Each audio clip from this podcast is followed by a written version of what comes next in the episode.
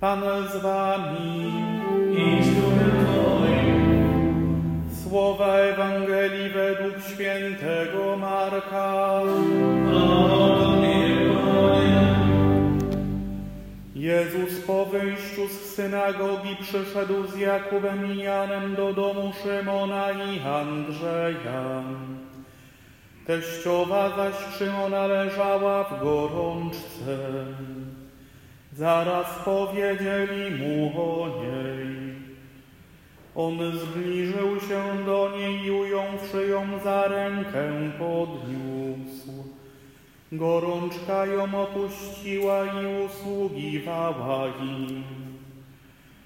Z nastaniem wieczora, gdy słońce zaszło, przynosili do niego wszystkich chorych i opętanych. I całe miasto było zebrane u drzwi. Uzdrowił wielu dotkniętych rozmaitymi chorobami i wiele złych duchów wyrzucił, lecz nie pozwalał złym duchom mówić, ponieważ wiedziały, kim on jest. Nad ranem, gdy jeszcze było ciemno, wstał, wyszedł i udał się na miejsce pustynne i tam się modlił. Pośpieszył za nim Szymon z towarzyszami, a gdy go odnaleźli, powiedzieli mu, wszyscy Cię szukają. Lecz on rzekł do nich, pójdźmy gdzie indziej do sąsiednich miejscowości, abym i tam mógł nauczać, bo na to wyszedłem. I chodził po całej Galilei, nauczając w ich synagogach i wyrzucając złe duchy. Oto słowo Pańskie.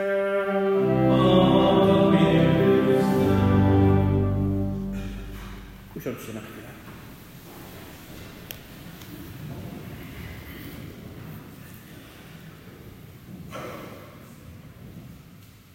Kiedy wsłuchać się w drugie czytanie dzisiejszej liturgii, w czytanie z pierwszego listu świętego Pawła Apostoła do Koryntian, e, to w kontekście tej naszej mszy świętej, kiedy mamy udzielić Chrztu Świętego i kiedy mamy przeżywać rocznicę Chrztu Świętego do jednym zamachem, e, to uderzają słowa, które wypisuje święty Paweł biada mi, gdybym nie głosił Ewangelii.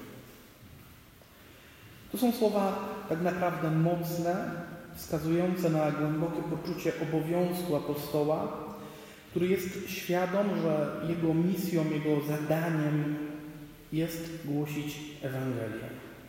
Oczywiście tutaj następują potem pewne wyjaśnienia, tłumaczenia dotyczące tego, z czego się bierze takie poczucie u świętego Pawła, ale same słowa wydają się być dla nas, ludzi współczesnych, ludzi, tak jak powiedziałem, zgromadzonych tutaj w bardzo szczególnych okolicznościach, ważne. Bo zobaczcie, w liturgii Chrztu Świętego przynajmniej kilkakrotnie pojawia się temat przekazania wiary. Temat, który jest wręcz wyrażony formułą zobowiązania.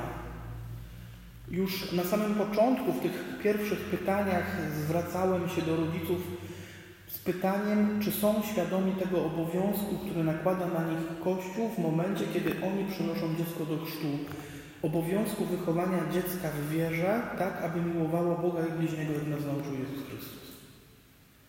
I powiem Wam szczerze, pierwszy raz udzielałem chrztu w dniu mojego diakonatu, 5 maja 2009 roku, dokładnie to pamiętam. I od tej pory tego chrztu udzielałem wielokrotnie. I ten dialog zawsze wygląda tak samo. Ja stawiam pytanie, rodzice odpowiadają, że są świadomi, a potem życie biegnie. Biada mi, gdybym nie głosił Ewangelii. Moi drodzy, być może dzisiaj Pan Bóg daje nam takie czytanie w Kościele, abyśmy zdali sobie sprawę z tego, że być głosicielem Ewangelii to jest obowiązek, którego nie można zrzucić na innych. To jest obowiązek każdego człowieka, który traktuje swoją wiarę poważnie. Tak jak święty Paweł, o którym wiemy, że nie zaczynał jako chrześcijanin. Wręcz przeciwnie, jako ten, który z chrześcijaństwem walczył na każdy dostępny mu sposób. Ale kiedy spotkał, przeżył swoje spotkanie z Jezusem Chrystusem, kiedy przeżył swoje nawrócenie, tak jak był radykalnym wrogiem, tak stał się radykalnym głosicielem. I spoglądając na niego, musimy zdać sobie sprawę z tego, że on staje się wzorem, przykładem do naśladowania w tym radykalizmie. I tyle, co ja mogę podpowiedzieć, to Ewangelię głosi się tym łatwiej, im bardziej się nią żyje. To znaczy, im więcej w Waszym życiu, drodzy rodzice i chrzestni, będzie Ewangelii przeżywanej na co dzień, im bardziej Wy będziecie w swojej codzienności wierni tej Ewangelii, tym łatwiej staniecie się głosicielami tej Ewangelii dla Waszego dziecka. Tak jak to też pisze święty Paweł, bo on tu też podaje trochę metody. Stałem się niewolnikiem wszystkich, aby tym liczniejsi byli ci, których pozyskam. Dla słabych stałem się jak słaby, aby pozyskać słabych. Stałem się wszystkim dla wszystkich, żeby w ogóle ocalić przynajmniej niektórych.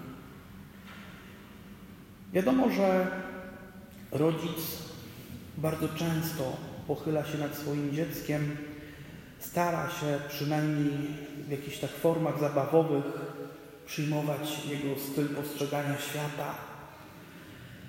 Stara się przychylić dziecku nieba, udostępnić mu wszelkie dobra, które są możliwe do udostępnienia. Zachęcam Was do tego, drodzy rodzice, abyście stając się wszystkim dla swojego dziecka, bo na pewno przez pewien etap jego życia będziecie dla niego wszystkim. Nie zapominali o tym, że macie mu głosić też Ewangelię. Swoim przykładem, swoim życiem. I tu nie trzeba cudów. Tu naprawdę wystarczy tylko przejąć się sprawą i żyć tak, jak Ewangelia poucza. Im bardziej wy będziecie żyli Ewangelią, tym bardziej staniecie się jej głosicielami. I nie chciałbym, żeby te słowa biada mi, gdybym nie głosił Ewangelię, stały się kiedyś takim wymiarem rozliczenia nas wszystkich z tego, czy rzeczywiście ją głosiliśmy tym, którym mieliśmy ją głosić.